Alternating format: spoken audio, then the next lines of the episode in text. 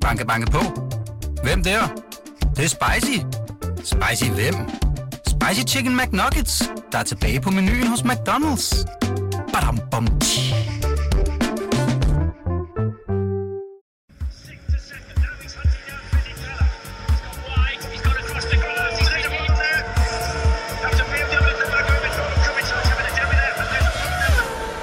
Kan I høre det?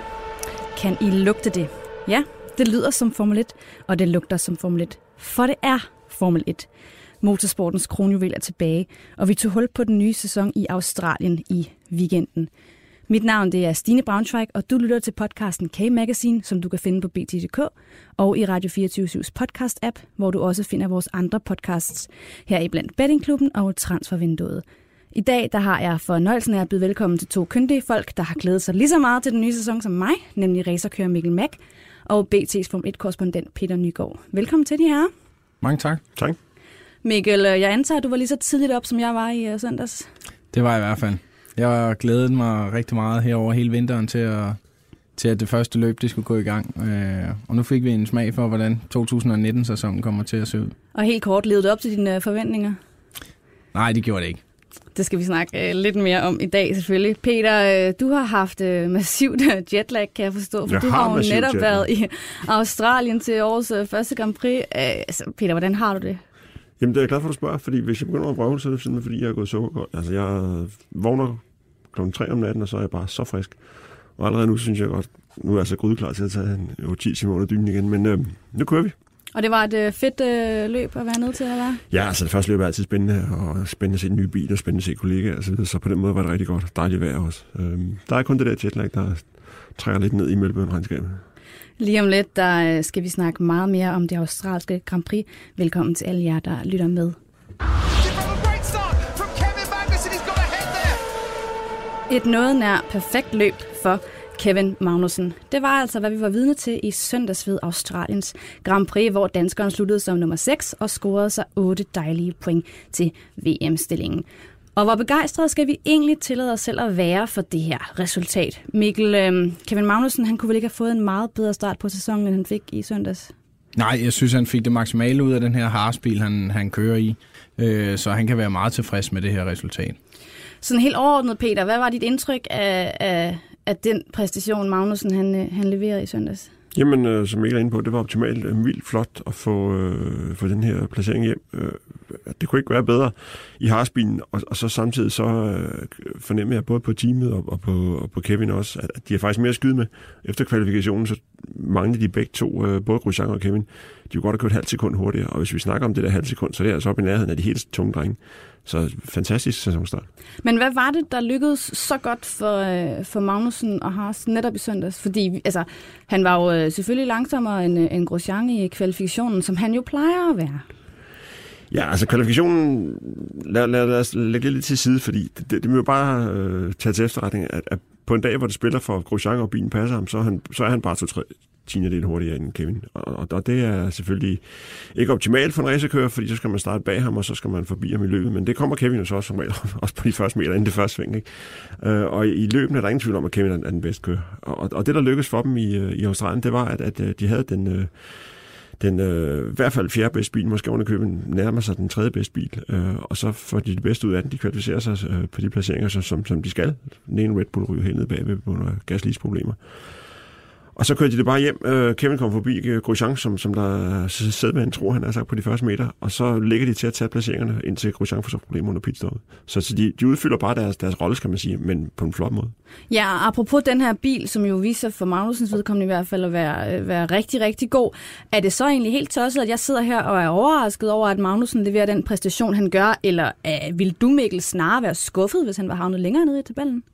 Nej, det ville jeg faktisk ikke. Øh, jeg havde jo forventet mere af Alfa Romeo, faktisk. Øh, men øh, at Haas stadig ligger heroppe og virkelig viser, hvad de kan, og har fået sådan et godt teamwork til at fungere 100% som de gjorde på Kevins bil, det, det var jeg faktisk imponeret over.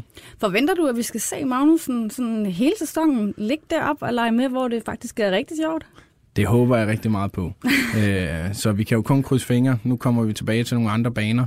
Øh, så det bliver spændende at se, hvordan det er på, på de mere almindelige baner. Peter, det var jo selvfølgelig også en ambivalent dag for Haas, det kan vi godt tillade os at, at kalde det, fordi Grosjean jo netop måtte udgå efter det her lidt øh, sløje pitstop, der voldede ham nogle problemer med, øh, med dækkene. Et kæmpe déjà vu fra sidste år, eller hvad? Ja, umiddelbart ligner det det samme. Altså, julet sidder ikke ordentligt fast, så det er i, i, i princippet det samme som sidste år. Jeg tror, der er nogle andre grunde. Altså, sidste år var det jo en... Øh, var det menneskelige fejl, øh, der gjorde det. Og det er jeg ikke sikker på, at det var i år. Jeg tror, der var noget, noget, et eller andet teknisk, som, som ikke rigtig havde fået meldt ud fra Haas teamets side. Men jeg ved, de havde nogle problemer med deres fælge øh, hele weekenden. Det havde Ferrari også. Der var en af Ferraris fælge, der, der, var, der var flækket. Så derfor stresstestede de altid, når de tog mager på. Om det spiller en rolle, og om ikke andet rent mentalt for de mekanikere, der skulle stå og hive af på, det, det tør jeg ikke sige, men, men øh, det, det så skidt ud. Øh, men, men samtidig, så husk lige på, at de her fyre skal altså skifte to dæk, eller fire dæk på, på to sekunder, øh, så der er et, et enormt pres. Øh, Kevins pitstop var heller ikke optimalt, det, det var også for langsomt. Så øh, jeg kan godt forstå, at de, øh, de ryster lidt i øh, både i hænderne og i bukserne.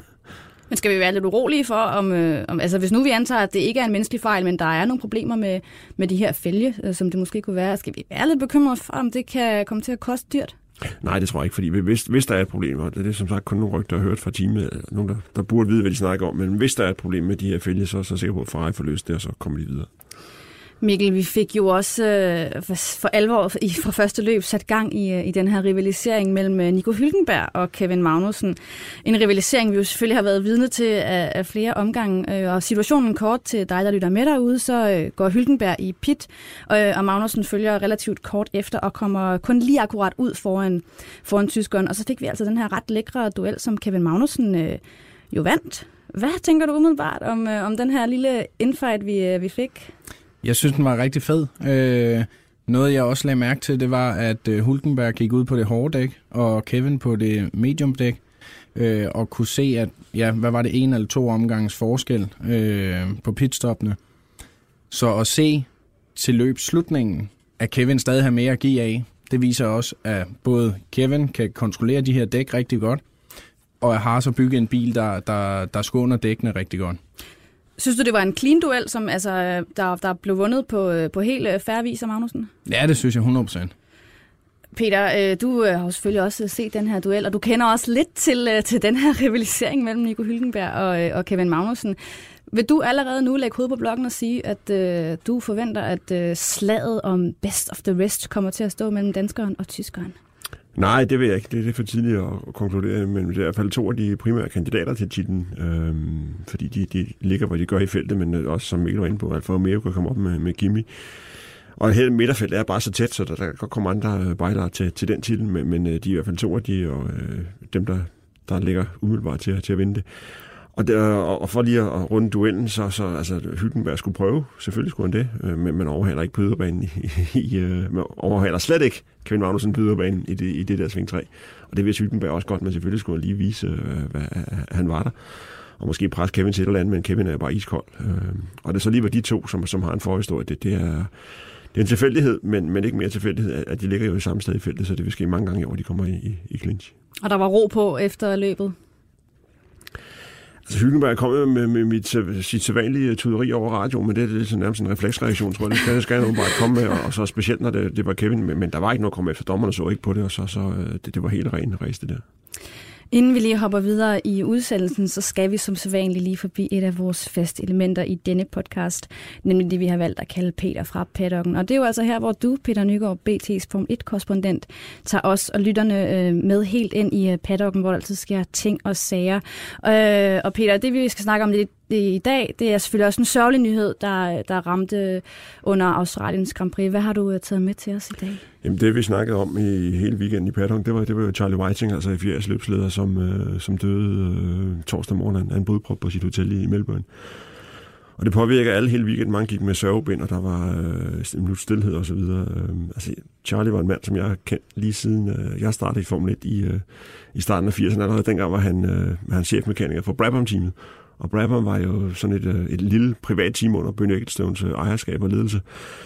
Og de skulle nogle gange hvad skal man sige, gribe sådan lidt dybt i, øh, i kassen med kreative øh, tricks for at, at følge med de store fabrikstimer. Og der går historier om, at, at under Charlies øh, chefmekanikerjob, øh, der det inkluderede blandt andet, at når, når bilen skulle til kontrolvejning, der var sådan en ret stram minimumsvægt, så, så blev der monteret en, en bagvinge i, i bly.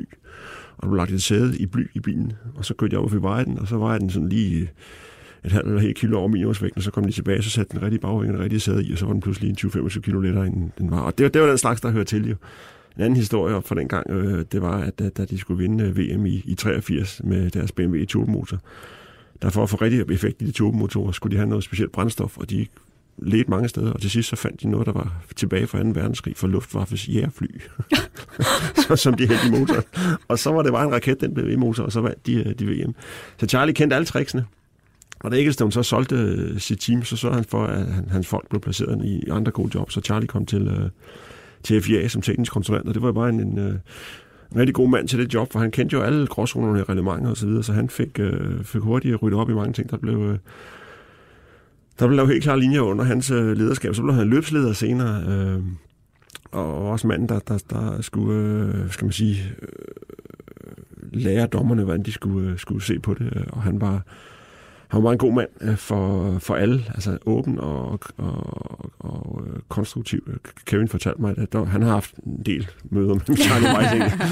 og han sagde, at det var altid faktisk en, en fornøjelse, hvis der var et eller andet, øh, Kevin havde fået en straf, han synes, den øh, måske ikke var helt øh, i orden, og han ikke rigtig forstod, den op til Charlie, og så fik de en åben, konstruktiv dialog om det, og Charlie var ikke sådan en, at øh, ikke arrogant, og her er det mig, der bestemmer, du skal bare gøre, hvad jeg siger. Han, han gik ind i dialogen, og de fik en god snak om det, så, så han var bare en, en, rigtig, øh, en rigtig god mand. Øh, sidste gang, jeg sådan snakkede meget med ham, det var i Japan sidste år, hvor vi... Øh, hvor han lige var kommet hjem fra, eller nærmest på vej til Japan, han havde været i København og se på den der påtænkte Formel 1-bane i, øh, i gaderne herinde, og jeg kom ind på hans kontor, og vi skulle snakke om det her, og så lå der bare et, et kæmpe kort over, over banen i København med alle detaljer. Og så sagde han, det må du egentlig ikke se, og så vendte han det om, og så, så, så fik vi alligevel en god snak om det, og øh, selvfølgelig ærgerligt, at vi- at det ikke, det ikke blev til noget. Men Charlie Whiting var en, øh, en fantastisk fyr, øh, en stor ressource for, for kører og for, for teams, der skulle kende reglementer, og for os øh, journalister, der skulle spørge om detaljer. Og han, øh, som, som Kevin sagde, da jeg snakkede med ham om det øh, i fredags, så sagde han, han, var- han, var, han var en racer. Altså, han, han, der er mange, der er i Formel 1 for, for at tjene penge, eller på grund af glamouren, eller for at blive berømt, eller hvad ved jeg. Charlie var der, fordi han, øh, han elskede Formel 1, og, og præcis ligesom Kevin for øvrigt. Og han vil bare blive savnet. En rigtig stor mand for alle i Formel 1. Mikkel, et uh, stort tab for, for Formel 1-verdenen, vel? Ja, det er da helt sikkert. Øh, nu må vi se, hvad de finder ud af at gøre nu. Øh, men specielt her for kørende, så, så er det vigtigt at vide, hvad for en mand er det. Øh, for eksempel nu kendte de Charlie stort set alle sammen rigtig godt. Øh, så de vidste, hvor er grænsen og så videre. Nu skal de finde en ny mands grænser. Racing, competing is in my blood. Det var jo altså finske Valtteri Bottas, der løb med sejren i Australien. Og ikke mindst løbets hurtigste omgang, der dermed sikrede ham et bonuspoint. Mercedes var bare bedst down under med Hamilton ind på andenpladsen. Max Verstappen sluttede som nummer tre efterfulgt af de to Ferrari'er med Sebastian Vettel og Charles Leclerc.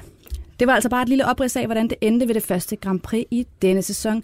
Og netop de to sidstnævnte skal vi altså snakke lidt om nu, Peter. Først og fremmest. Hvor skuffet er du over, at Ferrari ikke var en større trussel til Mercedes i Australien?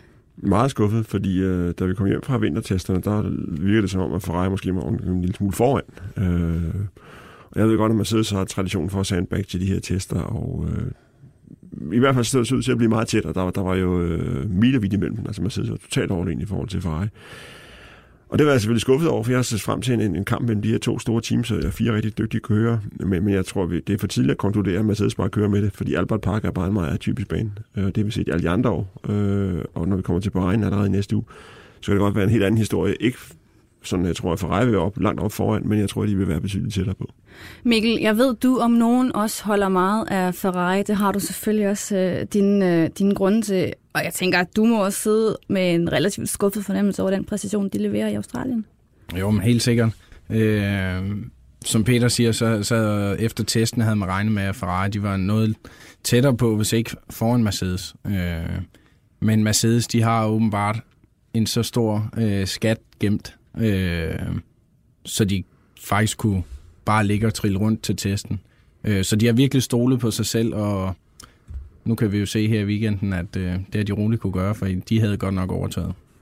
Der opstår jo altså en situation ret sent i løbet, som vi lige skal vende øh, her i studiet i dag, og det er netop øh, en situation omkring Charles Leclerc, Leclerc og øh, Sebastian Vettel. Øhm, øh, hvad hedder det, Leclerc leverer det her meget passive angreb på, øh, på sin holdkammerat efter 51 omgange. Øh, Leclerc ligger lige bag ved, ved Vettel, øh, men i stedet for at angribe ham, så ser det ud som om, at han øh, meget tydeligt bakker ud af, af den her situation. Øh, jeg sad og så det på TV3 øh, Plus, hvor Nicolas Kisa øh, også siger, at, øh, at øh, det her med, at, øh, hvad skal vi kalde det, der er ligesom en klar rollefordeling sat ud som, at vi har fået, fået udtrykt her hos, øh, hos øh, Ferrari med, med Vettel som, som førstekøren og Leclerc som, øh, som andenkøren, andenkøren. Og Kesa siger, at hvis Leclerc gør det her øh, flere gange, altså du ved, kunne tænke sig at udfordre for Vettel, så er han sikker på, at det ikke vil gå, øh, gå stille af sig.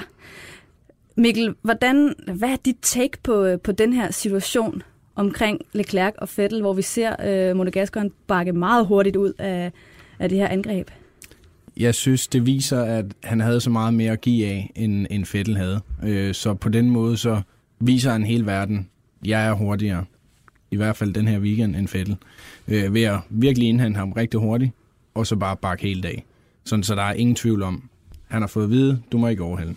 Ja, Leclerc har jo også sagt, at han, spørger, han spørger over radioen, øh, kan, jeg, kan jeg overhale, men får en meget, meget klar melding på, at, øh, at det skal han ikke gøre af, af sin ingeniør. Øh, og efterfølgende kalder Ferrari ham for en rigtig teamplayer. Peter, øh, i mine ører, så skuer det her altså lidt, fordi Ferrari inden sæsonen også har været ude at sige, at øh, vi vil lade vores kører køre race. Det her, det var ikke race mellem Ferraris kører.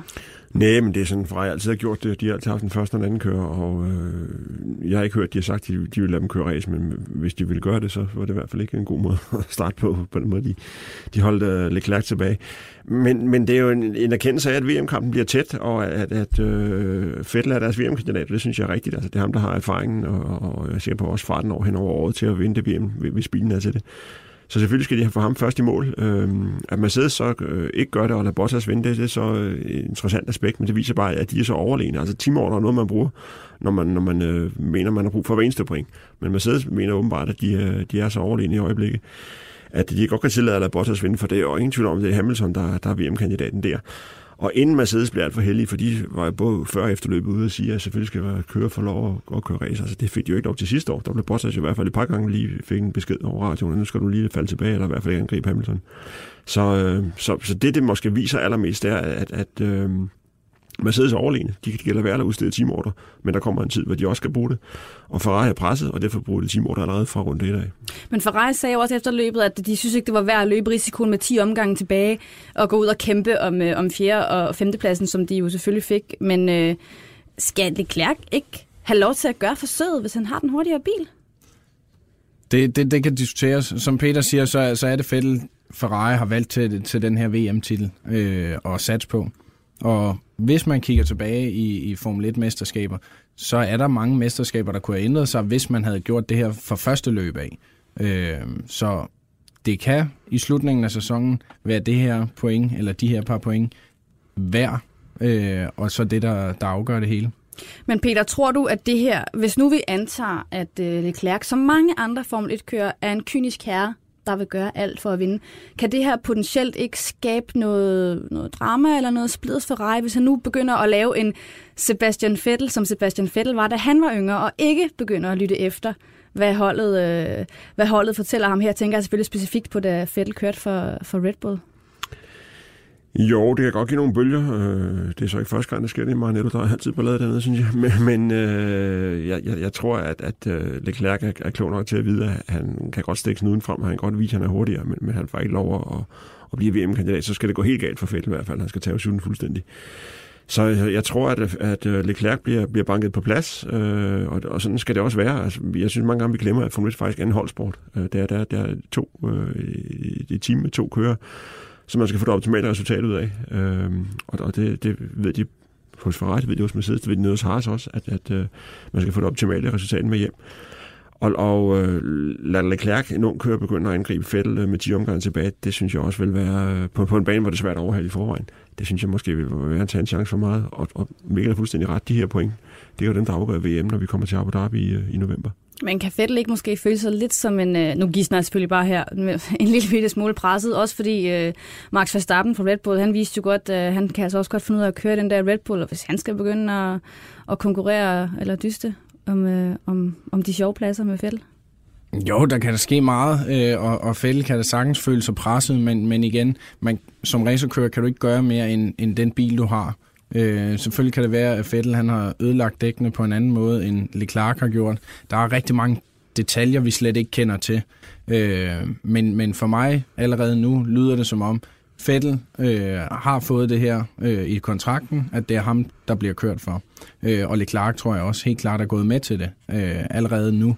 Så tidligt i hans karriere har fået en kontrakt med Ferrari, og tror jeg også, han bare har skrevet under på, at han er nummer to. Well, now, James, they've changed the regulations concerning the airboxes and the wings, and yet you're still extremely fast. How do you do it? Big balls. Vi skal også runde et par af Formel 1-weekendens knap så store succeser. Ja, faktisk snarere de store tabere i Australien. Øh, og drenge, jeg vil egentlig gerne lægge ud med at høre, hvad er jeres bud på weekendens helt store taber. Øh, og jeg vil selvfølgelig meget gerne øh, have en begrundelse, men øh, Peter, jeg tænker, hvis vi starter med dig. Hvis du skal kåre weekendens store taber, hvem vil du så udpege? Jamen, det er Williams team. Altså, det, vi vidste, at det, det så skidt ud, men at det var så skidt, det tror jeg overrasker alle, inklusiv teamet selv. Det, det er bare det er helt til hest. Som det, bilen er, er langsom. Det er sjovt, når man står ude på banen og, og følger øh, træningerne. Så virker det som, at det er vinduesbilen, der kører allerhurtigst.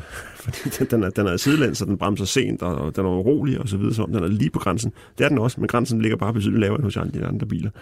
Så, så bilen er noget skidt, og så... Øh, ja, min, min gamle ven Robert Kubica, han er selvfølgelig også en taber, men jeg har bare ondt af ham, fordi nu har han kæmpet for, for det her comeback i, i 10 år, og, og drømt om det, og, og gjort alt, hvad han kunne øh, fysisk og, og også økonomisk for at sikre sig den her plads. Og så kommer han tilbage i sådan en skåret bil, øh, og herfra der er ikke nogen redning. Jo. Altså, det, Kubicas karriere, kan man allerede sige nu, den er, som Formel 1 kører, den er jo slut. Og det er Williams-bilen, der, der slutter den.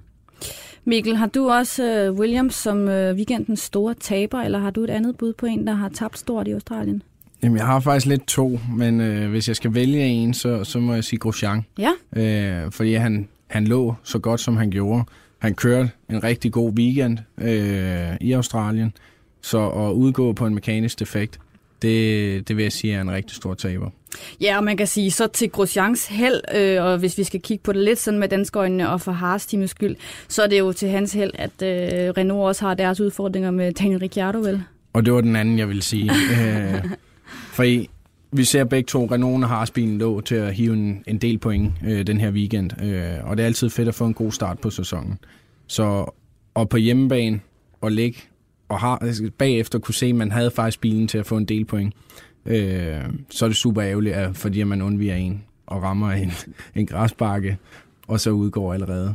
Det, det synes jeg er synd. Ja, netop Daniel Ricciardo. Den her start, Peter, øh, og hvor han mister sin frontvinge. Er det, øh, er det Ricciardo, der kalkulerer forkert her, eller forsøger han at undvige, øh, eller hvad, hvad søren skal vi lægge i, i den her start? Ja, men jeg tror, det er en kombination af mange ting. Øh, selvfølgelig prøver han at undvige, jeg tror, det er Perez, der, der får en langsom start og kommer øh, forbi ham. Og så kører han ud på græsset, og, og øh, det der græs, det, øh, der er ingen, der, der kan forudse eller, eller, eller ved, at, at der er sådan en knold lige der. Altså det, det græs, det virker helt sikkert inden for cockpittet, men også når man bare står og kigger på det, virker det rimelig sådan om det kan man godt køre henover. Så alle blev overrasket over, at den frontwing bare gik op i øh, atomer, da, da han ramte det. Så, så øh, synd for Ricardo, øh, men, men øh, jeg synes også, vi, vi nu snakker vi Hylkenberg før, og vi, vi, er jo ikke, vi er jo ikke en vildt glade for ham her i Danmark, på grund af den her forhistorie, han har med Kevin. Men Hylkenberg leverede bare en flot præstation i, i, i Albert Park. Uh, han må være under stor pres. Der kommer en, en, en mand ind, som er Grand Prix-vinder og bliver købt ind for, for, en, for en formue betydeligt mere end Hylkenberg tjener. Og en mand, der er på hjemmebane og hypet helt vildt. Og lige hiver Hylkenberg sådan stort set bukserne af ham på under kvalden og, og scoret også godt resultat i løbet. Så, så altså, Hylkenberg, han, han gør det bare godt. Der giver jeg ret. 100%. Ja, det, det, det bliver jo spændende at se, hvordan det så udvikler sig. Men jeg, jeg, jeg bliver lige et kort øjeblik ved, ved Ricciardo her, fordi øh, Renault-chefen har efterfølgende været ude og udtale, at øh, Australien ikke gav det, der forventes af ham. Øh, er det en færre kritik, øh, han kommer med her af Daniel Ricciardo?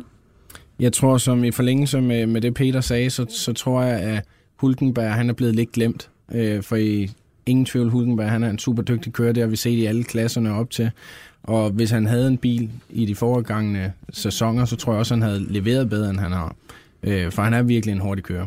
Så, men selvfølgelig ja, alle de forventede, at Ricardo ville gå ind og, og, og dominere her i Renault. Det gjorde han bare ikke. Hulkenberg, han slog ham hele tiden. Peter, kan det her gå hen faktisk, og nu, vi er meget, meget tidligt i sæsonen, selvfølgelig er vi det, men jeg kan godt lide at gisne lidt her og lege lidt med tankerne. Øh, kan det her lugte af en rigtig skåret sæson for Daniel Ricciardo? Indtil nu har det jo været. vi har også kun gået det 21 løb.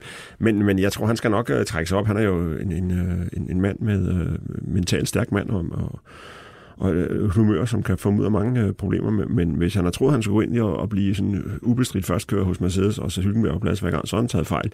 Men det tror jeg heller ikke, Ricardo har gjort. Altså, han, han er realistisk og, og intelligent nok til at vide, at Hylkenberg er, er dygtig, og han har været i teamet et par år, og det giver nogle fordele. Hen over sæsonen, så tror jeg, at de to bliver nogle af de tætteste teamkammerater i, i feltet. Altså, jeg kan kun forestille mig faktisk Kevin og Grosjean, der vil ligge lige så tæt, og få lov til at ligge lige så tæt. Vi skal også lige vende en øh, herre, som jeg personligt også synes øh, skuffede kevaldigt øh, i søndags, øh, Pierre Gasly. I øh, den anden Red Bull selvfølgelig. Han havde naturligvis også en rigtig, rigtig skidt kvalifikation og kommer ikke videre fra Q1, øh, men formår alligevel ikke at levere over noget som helst og slutter som nummer 13. Michael, hvad søren foregik der for Red Bull og Gasly der?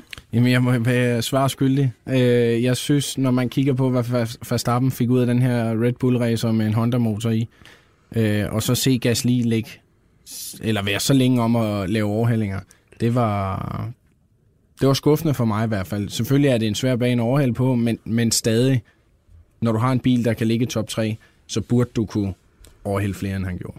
Er du enig i uh, Mikkels betragtning, Peter? Ja, altså Gasly kom jo også til Albert Park efter en, nogle vintertester, hvor han havde smadret et par biler, og, og, det var ikke... Øh, jeg kan godt forstå, at han følte sig under pres. Altså Helmut Marko, Red Bulls øh, talentchef, eller Dr. Død, som vi kalder ham, for han har godt nok taget livet af mange karriere efter Altså, han havde allerede været ude og, og, og, og snakke om, at Gasly skulle øh, lige dem sig lidt ned og gøre det bedre og så videre, og så, så kommer til Albert Park, og så, så kan han bare ikke rigtig følge med. Øh, det er skidt, men, men jeg tror også, vi skal vente med at, at slå stregen under Gaslys karriere, fordi hvis vi tænker 12 måneder tilbage, en af de kører, der skuffede allermest i første på løb sidste år, det var Charles Leclerc i, øh, i Sauberbilen. Han virkede bare som om han kom helt på alt for dybt vand i Formel 1. Og jeg tror, det er lidt samme historie med Gasly. Giv ham lige lidt ro, lad ham lige øh, finde sine ben, og, og så skal han nok øh, få skudt den der Red Bull der. En anden skuffelse, øh, og jeg, frygter næsten for at nævne det her, fordi det lyder som en McLaren Classic, men øh, problemer med motoren, Peter, igen. Jamen, det, man kan næsten kun grine af McLaren, ikke? for det, det, det, det er et stort, stolt gammelt team, ikke? og så havde de sat sig på Honda og havde et par meget svære over, hvor motoren brændte sammen ustandsligt, og så, så får de skibet motoren af til, til Red Bull, og så bliver det nummer tre i, i Red Bulls første løb med Honda Power, og så brænder McLarens øh, Renault-motor sammen. Det, det er jo bare skidt, øh, og selvfølgelig er det nogle tilfældigheder, der, der, der gør det, men det understreger bare det her billede af McLaren, et, et team i en dyb, dyb krise. Øh, Williams er meget dyb krise, måske på vej ud af Formel 1 øh, på, på en relativt kort bane, og det skulle ikke undre mig, om McLaren er ved at køre lidt samme vej. Altså, Mikkel, McLaren, det her, altså, er det bare den samme fortælling, den samme saga, vi har hørt så mange gange om igen, eller tror du, de vil overraske i løbet af sæsonen og få lidt mere styr på, på sagerne i garagen? Det tror jeg personligt, de vil. De vil, øh, de vil klart få mere styr på det, øh, men hvad det er, der gør, at de hele tiden bliver ved med at, at ødelægge motor, om det er den ene eller den anden mærke, der, der må være et eller andet bag, men, men hvis der er nogen, der finder ud af det, så, så burde de kunne finde ud af det. Det er i hvert fald ikke mig her i studiet. Peter, hvad, hvad med dig?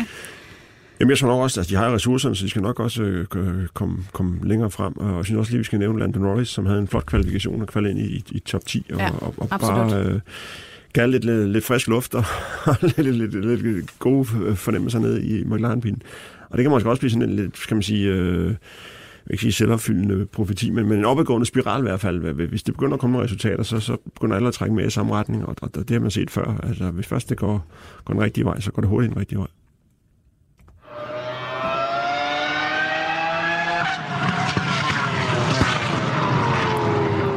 Nu er vi nået til endnu et af de faste elementer i denne podcast, og det er altså det, vi kalder pole eller pit. Og det er her, hvor mine to gæster får til opgave at fælde dom over noget i den store Formel 1-verden. Og det er noget, jeg er begejstret for, eller noget, I er trætte af. Øh, og jeg har bevidst glemt en af weekendens helt store øh, skuffelser, fordi jeg ved, at en af vores to gæster i dag har det med som sin pit. Mikkel, vil du ikke lægge ud med, øh, hvad du har taget med som pit? Jamen, jeg har faktisk skrevet en masse ned, så Okay. jeg, tror, jeg har faktisk skrevet tre ned. Men, Okay. men, men den, der overskygger dem alle, nu, nu beklager jeg, Peter. Øh, Kubica, Ja. øh, jeg synes, han, han skuffer rigtig meget. Og, øh, og i træninger, hvor han ikke kan køre ud af pitgaragen, der, der, der synes jeg bare, at når, når man har bøvl med det, Øh, selvfølgelig kan han køre øh, en race-distance, det så vi, og det er flot, når man tænker på hans skader. Øh, men, men, men det er bare ikke godt nok til Formel 1-niveau, efter min mening. Mm. Du har også skrevet lidt, lidt andre ting ned. Hvad, er det fordi, du kun har pits med i dag, eller hvad? Nej, nej, nej. Nå, okay, men så gemmer vi lige lidt her. Så starter vi lige med, med Peters uh, pit også. Jamen, det er sådan lidt uh, skæv en, øh, fordi vi var inviteret til, øh, til noget barbecue hos øh, McLaren øh, torsdag aften. Ja, men det skal være lidt sjovt. jeg er slet ikke færdig nu. det er ikke barbecue alene. Det, det var, okay, vi var nede ved, ved Yarra-floden, og det var, det var rigtig hyggeligt videre. Og der opdagede jeg så noget, der hedder ginger beer. Kender I det? Mm. Hvad? Jamen, det lyder sådan et eller andet, som en, øh, ens tante eller Nej, mormor man bruger, det i, uh, man bruger det til drinks. Ja, Nå, men altså, drik det rent. Det er bare... Det var bare rigtig godt. Jeg holdt mig vågen i timevis på grund af det. så så øh, ingefærøl, ja, det var en frem. Jeg tænkte faktisk på at starte noget import og eksport af det måske. Jeg har, aldrig, jeg har aldrig set det før. Så vil jeg gerne være kompagnon i det firma. Ja, jamen, Mikkel. Vi kan kalde det Michael, eller? Den tror jeg faktisk er taget. Nå. Jamen, øh, det, det, det vil jeg bare lige øh, slå et slag for. Og det var din pole Det simpelthen? var min pole. Okay, det var din Skal du også pole. have min pizza? Ja, så lad os få den også. Du sagde noget, jeg er rigtig, rigtig træt af. Jamen, jetlag. Ja. Altså, det, det lyder... Øh, nu får man et fantastisk job at få lov at rejse verden rundt og til racerløb og så videre. Men det der jetlag, det er altså ikke til at spøge med. Øhm, og det er sådan, at når man kommer til Australien, så som... Man siger, at det tager en time, øh, en, en, en dag for hver time tidsforskel der, er, og der er ni timers tidsforskel til Australien. Det vil sige, ni dage efter man kommer hjem fra, kommer til Australien, så er man frisk. Og vi, vi var der i fem dage, øh, og nu er jeg så kommet hjem. Og så har jeg stadig noget af det der jetlag på vej derned. Mm. Og nu er jeg så skal jeg se frem til ni dage øh, den, den anden vej. Men det, jeg tænker, det er da super problematisk, fordi det, kørende er vel heller ikke skånet for, for det her jetlag. Der, er- der er den forskel, når vi går ind i flyveren, så går de fleste af dem til venstre, og jeg går til højre. Ja, det- det, betyder lidt jo. Øh, og, og så, øh, så, så ja, altså, jeg ved ikke, jeg, der, der er mange gode grunde til, at de, de kommer bedre over det, men de, de så sgu også ud af nogle af dem. Ja. Øh, og det er svært at, at, at levere optimalt, både som, som racerkører og som journalist, når man øh, går der og er træt og vågner klokken 3 om morgenen og, og er træt klokken 10 om formiddagen. Mikkel, øh, vil du snakke lidt om de andre ting, du har skrevet ned, eller vil du jeg, bare fyre jeg skynder mig at lave med alle mine pits. Okay. Nu har I fået den ene. Øh, de to andre, det ene, det er, at Ale Clark ikke får lov til at overhælde øh, Fettel. Ja, tak. Øh, og for seerne, der synes jeg, det er rigtig synd og en direkte pit. Øh, nummer to, forhjulet på Harsbilen, der, der ikke bliver spændt ordentligt, eller den her ting, der går i stykker, som vi ikke ved, øh, så Grosjean udgår. Det er også en pit. Ja. Og så har du en pole til mig forhåbentlig også. Så har jeg pole. Ja, tak. Øh, der har jeg faktisk to.